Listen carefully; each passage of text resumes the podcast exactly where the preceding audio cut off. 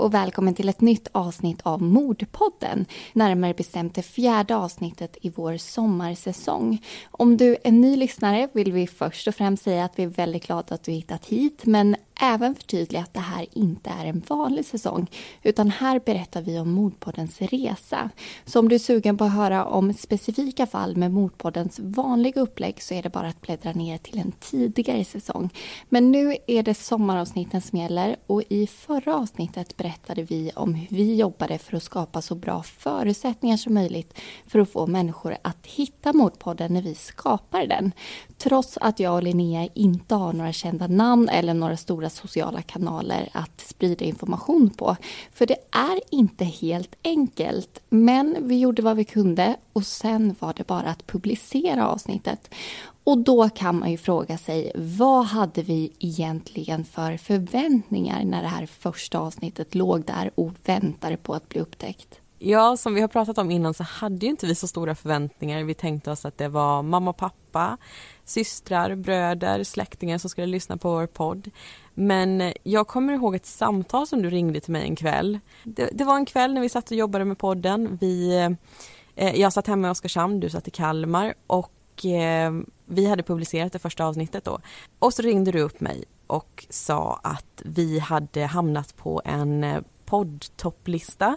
Jag visste knappt vad det var för någonting för du har ju iPhone så du har ju den här inbyggda appen Podcaster. Men jag har ju Android så vi har inte riktigt någon sån här topplista över poddar någonstans att hitta. Och du ringde mig och jag kommer inte ihåg vilken plats vi var på just då om det kan ha varit nummer 36 eller någonting, är någonting som triggar i mitt minne. Kommer du själv ja, ihåg vilket nummer det var? Det var plats 40 kommer jag ihåg. Eh, för, för det var ju så att den här listan som inte du hade koll på hade jag ganska bra koll på. För jag mm. går själv in där när jag vill ja, men hitta nya poddar att lyssna på. Och där är ju då, jag tror det är de 150 mest populära poddarna i Sverige just nu. Och jag trodde absolut inte att vi skulle få vara med på den här listan. Men jag tänkte om vi skulle vara med då handlade det om plats 140 till 150. Men det vore ju väldigt häftigt om vi i alla fall skulle vara med på den här listan. Och jag visste att man hade större chans om man var en ny podd. Så det var ju bara dagen efter att vi hade publicerat det här avsnittet så gick jag ju ner och kikade då längst ner. Men vi var ju inte med och så tänkte jag ja, ja, hur, hur, kunde jag tro det? Det var ju dumt ungefär. Mm. Och så ska jag bara scrolla uppåt och på vägen upp så får jag syn på några ögon som jag känner igen. Och det var ju den här miniatyrbilden då på Elin som vi hade tagit till mordpodden. Och jag tror inte att det här är sant, men jag ringer ju dig direkt och jag ringer min pappa och berättar att vi är på plats 40. Men medan jag pratar så blir jag osäker. Tänk om jag såg fel. Så jag kommer ihåg att jag var tvungen att lägga på så jag vänta. Och så tog jag en printscreen för att både övertyga mig själv och liksom visa för dig att, att vi faktiskt låg där. Och bara att ha fått vara med på den här listan tyckte jag ju var helt fantastiskt. Även om jag såklart tänkte att vi snart skulle ramla bort därifrån. Men det gjorde vi ju inte. Nej, vi klättrade ju faktiskt. Du hade ju koll på det här hela tiden. Jag hade ingen koll. Jag fick bara dina statusuppdateringar när det var någonting som hände. Du ringde mig, du smsade mig och sen så dagen efter att vi, det här hade hänt, vi hade haft det här samtalet så kommer jag ihåg att du och jag skulle hålla en heldagsutbildning på eh, Linnéuniversitetet. Vi skulle hjälpa ett par forskare på LNU att starta en egen podd. Så vi höll ju faktiskt i en heldags poddutbildning. Och under den dagen så hände ju en hel del. Jag kommer ihåg att eh, vi lärde ut, vi hade en liten eh, kafferast. Sen så tror jag att vi lärde ut en timme till och under den andra kafferasten då tog du upp din eh, telefon, du tittade på den här topplistan igen och jag, alltså jag ser det framför mig hur stora dina ögon blev och du bara stirrade på telefonen och du höll på att trycka på några knappar frenetiskt. Det var liksom om, om, om, om igen. Och jag försökte fråga liksom, vad, vad, är, vad är det som händer? Är det någon som är på sjukhus? Började jag nästan tänka. Men det var ju att vi var nummer ett på den här listan och att du tryckte på printscreen efter printscreen efter printscreen för du tänkte att det här händer inte, jag hinner inte ens prata med Linnea innan jag kan förmedla vad det är som har hänt, jag måste spara att det här har hänt. Det kommer jag ihåg från den dagen. Ja, men det var ju så jag tänkte, för jag tänkte det här handlar inte om dagar, det här handlar inte om timmar, det är inte ens minuter. Det här, det här handlar om sekunder. Vi kommer absolut inte få vara kvar på den här första placeringen, utan jag, men jag tänkte att jag måste ha det på bild att vi en gång i några sekunder i alla fall har varit där. Och nu vill jag bara förtydliga att den här listan, det är ju ganska oklart hur den fungerar. Så vi hade ju inte fler lyssnare än de som låg under oss på den här listan, utan på något sätt så går den efter hur mycket man, man växer och hur populär man är och inte antalet lyssnare bara. Men självklart så var det ju väldigt ärofyllt att få vara på första placeringen över de här stora poddarna som vi såg och än idag ser upp till. Och det vill mm. jag ju såklart ha bild på. Men vi fick ju faktiskt vara kvar på den här placeringen nästan hela säsongen. Vilket var helt fantastiskt. Det fick vi och tack vare att som vi också kom upp på den här listan så började ju medierna höra av sig till oss. Vi pratade om det lite i ett föregående avsnitt. Att eh, vi var med och blev intervjuade några gånger om just podden och eh, det här skolarbetet men nu började de ju bli ganska intresserade för att vi hade kommit upp så snabbt på den här listan att det tog jag tror det var, jag, jag, jag felsäger ibland, men någonstans mellan tre och fem dagar efter att vi hade publicerat podden som vi var etta på iTunes. Mm. Och, eh, och iTunes är alltså den här podcasterlistan då, det är samma sak i appen och på en dator. Och jag kommer ihåg att de började ta kontakt med oss och en av sakerna som jag tyckte var väldigt skönt, det var att vi var utbildade till journalister så vi visste ju ändå vad det var som vi, vad det var som skulle hända när vi satte oss ner med andra journalister. Och de började ställa frågor till oss och ville att vi skulle berätta om podden och berätta hur det kändes att nu vara etta på den här listan. Men samtidigt var det väldigt, väldigt konstig känsla tycker jag att sitta på andra sidan, att inte vara den som ställde frågor och sen skulle skriva ihop det till en text. Utan man satt på andra sidan och skulle försöka ge svar istället. Det mm. var någonting som jag tyckte var väldigt udda och som jag fortfarande tycker är lite av en olustig känsla. Det är inte riktigt mig. Och just det här att vara i fokus, det var ju inte vi vana vid utan som journalist så gömmer du dig ofta bakom en text. Men jag tyckte mm. också att det var väldigt nyttigt som journalist att faktiskt få vara på den andra sidan få se hur man upplever att bli intervjuad och få se sina svar i en text som någon annan skriver. Att jag tror att vi har nytta av den här mediekontakten sen eh, om vi själva ska skriva texter som journalister. Att man liksom fått varit på båda sidor tyckte jag var väldigt, väldigt lärorikt. Men nu så lämnar vi Mordpoddens resa för den här gången. I nästa avsnitt ska vi berätta om hur det kändes när vi tack vare er kammade hem en titel i det svenska podcastpriset. Nu har det blivit dags att ta reda på hur väl vi känner varandra i programpunkten Sant eller falskt. Vi kommer som vanligt läsa upp tre påståenden var om oss själva där ett stämmer och två är påhittade. Den andra personen ska då gissa vilket som är sant. Och vi kör igång på en gång med dina påståenden tycker jag. Okej, då börjar jag. Påstående nummer ett. Jag började intressera mig för poddar när jag lyssnade på den kanadensiska podden som heter Someone knows something. Påstående nummer två. Jag är vänsterhänt. Och påstående nummer tre. I högstadiet och på gymnasiet så var jag en gamer och jag har bland annat spelat eh, online-spelet World of Warcraft. Det här var nog den svåraste hittills tror jag. Jag försöker se dig framför mig nu hur du, hur du skriver om du använder höger eller vänster hand. Jag har inte mm. reflekterat över att du är vänsterhänt. Men inte högerhänt heller för den delen. Nej, men ja, den podden du pratar om känner jag själv inte till. Men jag vet att du gillar engelska poddar, så det är mycket möjligt. Mm. Men jag vet också att eh, du eh, ja, men har varit ganska intresserad av spel. Jag vet inte om du varit så intresserad, men jag säger påstående nummer tre. Och du har rätt ännu en gång. Yes. Jag har varit en gamer och jag har varit riktigt, riktigt hardcore inne på spel. Från det att jag var 14-15 år så har jag spelat World of Warcraft.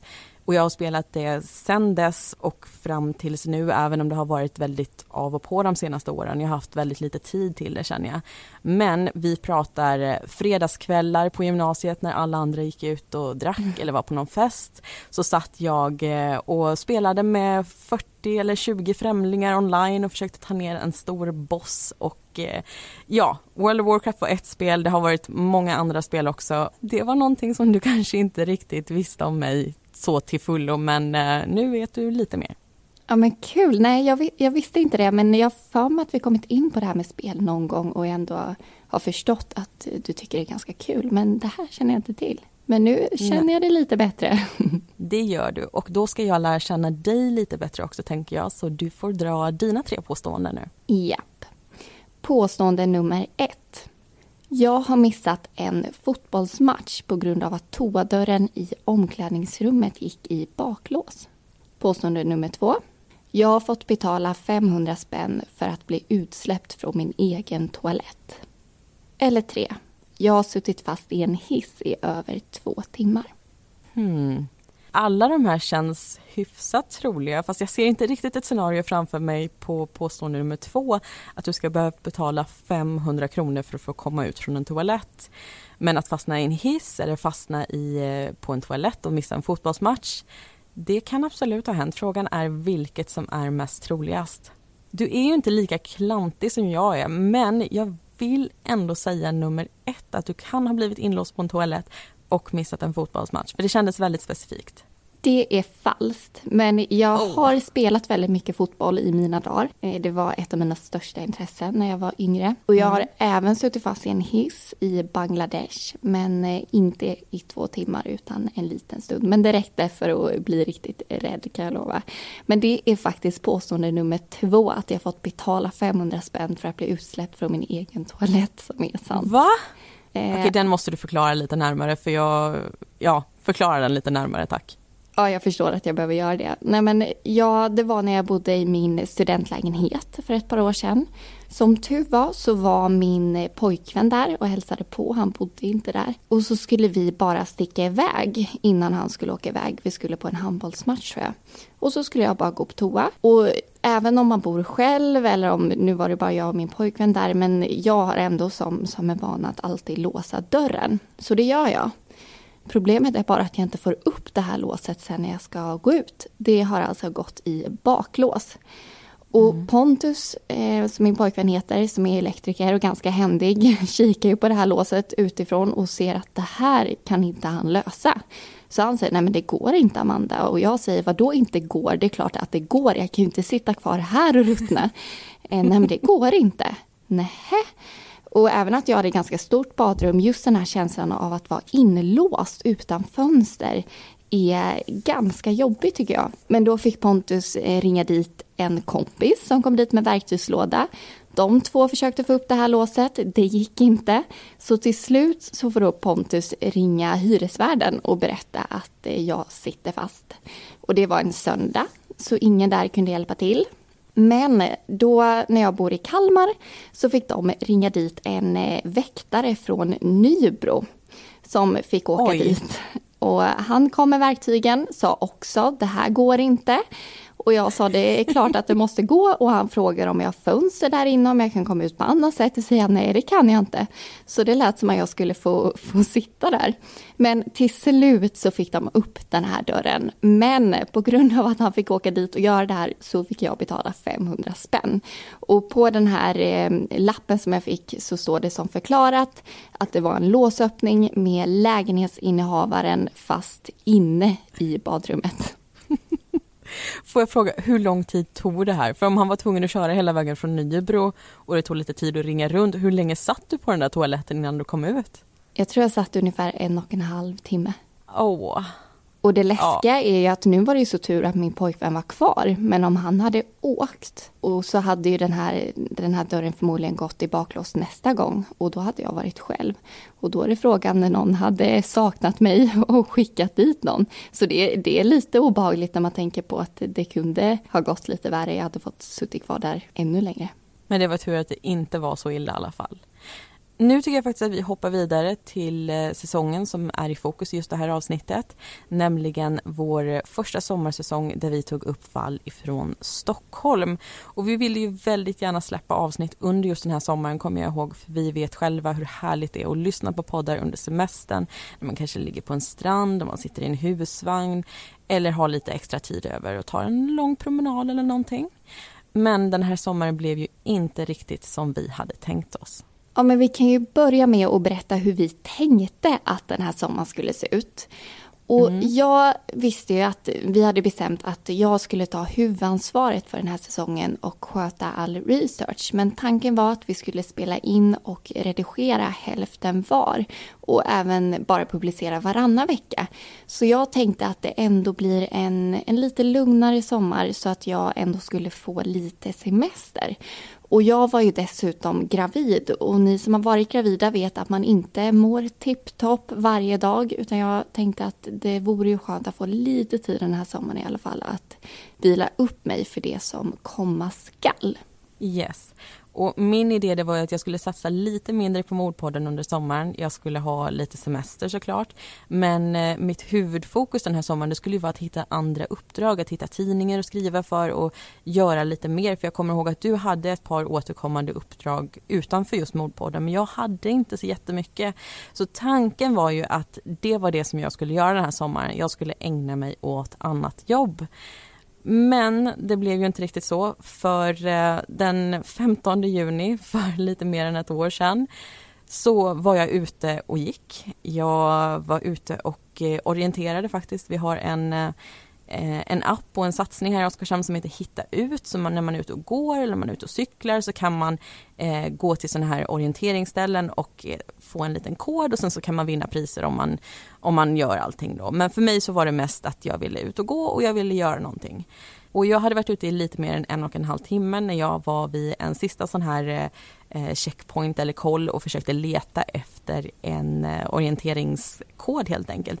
Men jag hittade inte någon och jag bestämde mig för att nej, jag avbryter och jag går hem och duschar. Jag var svettig, jag var trött och det var jättevarmt. Så jag går därifrån. Jag går längs en liten eh, stig och eh, ska precis gå ner för en liten, kan man kalla det, en liten backe med lite grus och, och gräs. Och eh, jag känner hur gruset under min högra fot rullar till. Och nästa sak jag vet är att jag sitter på rumpan på den här lilla stigen och jag hör ett knak. Och det här knaket det är alltså mitt högra ben eller min högra fotled som har gått av. Och jag kommer ihåg att jag får vinka upp för jag ligger där i högt gräs. Jag vinkar till med två bilar med två jättesnälla killar som stannar och eh, hjälper mig. De sitter med mig ett tag och vi ringer efter en ambulans. Jag får åka därifrån och jag hamnar till slut på sjukhuset i Kalmar som konstaterar att ja, jag har brutit mitt ben och jag kommer behöva opereras. Några dagar därefter så ligger jag på sjukhuset, jag opereras och eh, sommaren kunde ju inte riktigt bli så som vi hade tänkt oss att den skulle bli. Utan jag blev sjukskriven den här sommaren och jag fick helt enkelt ligga hemma på en eh, madrass eller i en soffa och eh, inte göra så mycket alls. Nej, och jag kommer ihåg det här samtalet för du ringde ju mig nästan direkt efter att det här hade hänt. Jag tror du fortfarande Jajamän. var lite i chock för du ringde och sa att det har uppstått ett problem och jag har brutit benet och jag vet inte, jag, mm. jag ska på operation nu så jag kan nog inte ta mejlen idag. Och, och jag tänkte, men herregud, släpp mejlen. Och jag tänkte inte alls på såklart hur det här skulle påverka sommaren, utan jag tyckte ju bara så himla, himla synd om dig. Och här får vi också säga att vi skrev ut det här till våra lyssnare, att det här hade hänt och vi fick så mycket, eller du fick så mm. mycket fina och peppande meddelanden från lyssnare. Jag kan säga att det hjälpte så himla mycket för när jag bröt benet så var det tre dagar kvar till en fjällsemester som jag hade inplanerad med hela oh. min familj. Och den avbröts ju, vi fick eh, vara hemma, eller delar av oss fick vara hemma och hjälpa ta hand om mig de här första dagarna. Eh, så det hjälpte jättemycket när alla skrev till mig och sa yes, jag har brutit benet också, det här måste du tänka på. Här är jättemånga bra tips, saker som hjälpte mig. Och det var jätte, jättebra tips. Och det var så skönt att bara känna att jag inte är ensam i den här situationen. Det är många andra som har varit här innan mig. Kanske inte gjort lika klantiga saker som mig som att gå ner för en backe och bryta benet genom att sätta sig på rumpan. Men jag var i alla fall inte ensam och jag kände mig inte ensam så det var jättemysigt att få alla de här meddelandena från våra lyssnare. Och det är ju sånt här som händer. Vi är ju bara människor och självklart kan vi råka ut för sånt här. Och det blev ju lika många avsnitt vi hade tänkt. Vi började publicera avsnitten på samma datum så det här är ju egentligen inte någonting som ni lyssnare märkte av. Men mm. vi, varken du eller jag fick ju någon semester den här sommaren. Du låg ju och hade ont och jag eh, jobbade ju med podden. Jag vet att jag hade en veckas semester när vi åkte till eh, Göteborg och till Gränna men jag satt ändå på kvällarna med, med datorn och gjorde research. Men vi fick ju ihop det till slut och vi löser det ju tillsammans. Och det här var ju den första staden vi tog upp för det här, vi gjorde en Stockholmssäsong. För mm. vi har ju insett att vi har många lyssnare i Stockholmstrakten och sen var det väldigt många som önskat fall från just Stockholm. Och eftersom Stockholm är så stort och det är uppdelat i två olika landskap så sa ju vi som så att vi gör en stadsspecial och vi publicerar varannan vecka istället för eh, varje vecka. Och det var ju just för att våran plan var att det skulle vara lite lugnare tempo den här sommaren som inte riktigt gick hem men eh, det var ju anledningen till att vi valde att ta just en stad. Och det finns ju, vi ska ju säga som så att det finns en stor möjlighet att vi kommer återvända till Stockholm och att vi kommer ta upp just fall ifrån de olika landskapen. Så vi är inte klara med Stockholm bara för att vi har gjort ett par avsnitt därifrån. Och varannan vecka är ju också någonting som vi kanske kommer göra någon mer gång och ha en, en längre säsong. För det tillåter oss att ha det om vi kan eh, dra ner på tempot lite såklart. Så vi, mm. vi får se vad som händer i framtiden. Om det blir den, det, det upplägget igen kanske. Och vi ska ju som vanligt gå in på ett par av de fallen vi tog upp den här säsongen.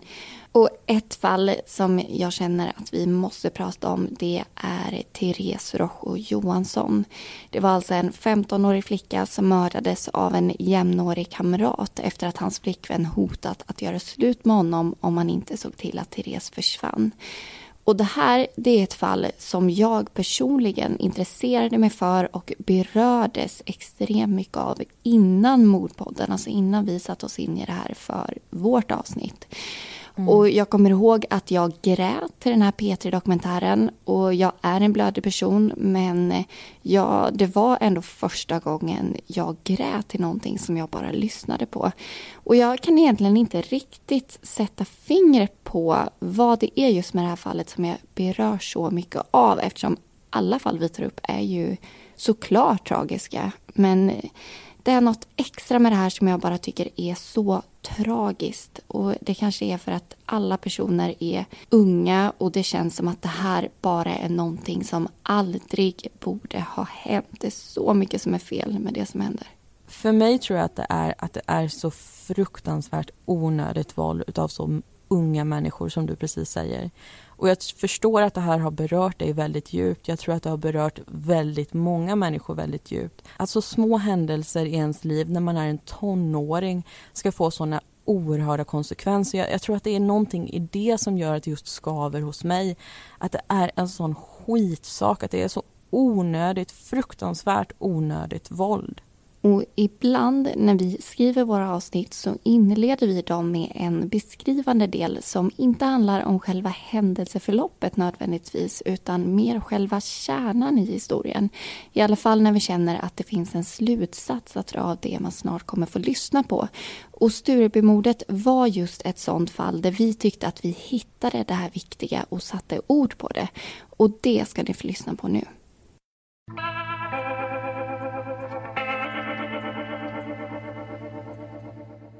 I oktober 2007 bestämmer sig Oliver och Lina för att de ska bli ett par. De är 14 år gamla.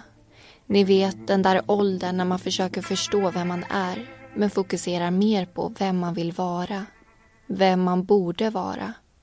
Ungdomar delas in i kategorier. Det finns de coola, de som alla vill vara med och försöker vara som. Sen finns det töntarna de som av någon märklig anledning anses vara mindre värda. Personer man försöker undvika för att inte själv få den stämpeln. Och så finns det de i mitten. De som bara glider med och inte riktigt tillhör de coola men som ändå inte halkar ner till lägsta nivån. Det här är kategorier som ofta uppkommer under högstadiet men som suddas ut med tiden. I framtiden är det kanske en av de så kallade töntarna som kommer ha den framgångsrikaste karriären och det lyckligaste livet. Medan en av de populära redan har haft sin glansperiod under högstadiet. Problemet är att man inte inser det under de här åren. Man tror att livet alltid kommer se ut som det gör då. Att de vänner man har alltid kommer stå vid en sida. Att tonårsproblemen aldrig kommer försvinna. Och att ens ungdomskärlek kommer vara den man delar resten av sitt liv med. Oliver och Lina tror just det. Att det inte finns någon annan partner som väntar på dem i framtiden. Det är meningen att det ska vara de två. Och det får ingen förstöra. Där hörde vi alltså en del ifrån vårt avsnitt om just Sturebymordet. Och med det så tycker jag faktiskt att vi lämnar det fallet och vi går vidare till att prata om ett äldre mordfall som vi tog upp i just den här säsongen. Ett fall där en kvinna mördar och styckar sin man och om det inte är makabert nog så håll för öronen nu om du är känslig för detaljer. För den här kvinnan hon bränner även hans huvud i sin ugn. Och vissa anser att den här kvinnan är Sveriges första kvinnliga styckmörderska. Och det här avsnittet det heter ju just Styckmörderskan. Och väldigt många får vi ändå säga har ju faktiskt önskat en hel säsong med enbart kvinnliga mördare. För det är ju färre kvinnor som begår den här typen av brott och därför kanske många tycker det är intressant att lyssna på just det. Och vi har ju pratat om att kanske någon gång lämna vår geografiska avgränsning och ha ett tema som då exempelvis kvinnliga mördare. Men det här är ingenting spikat. Men ni får gärna säga vad ni tycker om det. Ja, det får ni jättegärna göra för det är så roligt när ni kommer med önskemål. Vare sig det är ett tips på ett fall eller om det är precis som du pratar om att just temat, man vill höra mer utav en typ utav eh, mordfall. Och vi kan ju aldrig riktigt ge det här klara besked att vi säger att yes, det här kommer bli verklighet av och det kommer det bli på en gång. Utan vi jobbar ju som så att vi tar det en säsong i taget. Men vi håller alla förslag och alla tips som ni ger oss i åtanke. Det gör vi verkligen. Men nu så lämnar vi Stockholmssäsongen och hoppar vidare till vår sista programpunkt, nämligen lyssnarfrågan. Ja, och den här gången så är ju vår lyssnarfråga varför har ni säsongsuppehåll när andra poddar inte har det? Mm, och först och främst så får vi ju ta den här frågan ganska positivt. För självklart är det ju roligt att ni vill ha fler avsnitt och inte ha de här pauserna som vi har. Men eh, vi har ju inte den möjligheten för vi är två personer som gör allting från research till publicering och redigering och inspelning själva. Eh, mm. i, våra, I våra hem, vi har ingen redaktion eller någon som hjälper oss, även om vi såklart har jättebra stöd från Radioplay. Men för att vi ska kunna göra de här fallen rättvisa, att verkligen sätta oss in i de här händelseförloppen, läsa den här informationen som det finns om de här fallen, så kräver det eh, ja, men väldigt mycket tid. Och det är omöjligt för oss att hinna göra hela det här händelseförloppet på bara en vecka. Det, det, skulle vi inte hinna med. Även om vi effektiviserar oss så tar ju researchen extremt mycket tid. Och många som gör den här typen av podd, eller andra poddar för den delen, de tar ju just hjälp av andra. De är inte bara två personer som gör allting från A till Ö, utan de kanske får hjälp med att skriva manus eller hjälp med att redigera och så vidare. Och det är ju därför som de också har möjligheten att producera och eh, släppa avsnitt just varje vecka eller i alla fall med mindre säsongsuppehåll än vad vi har.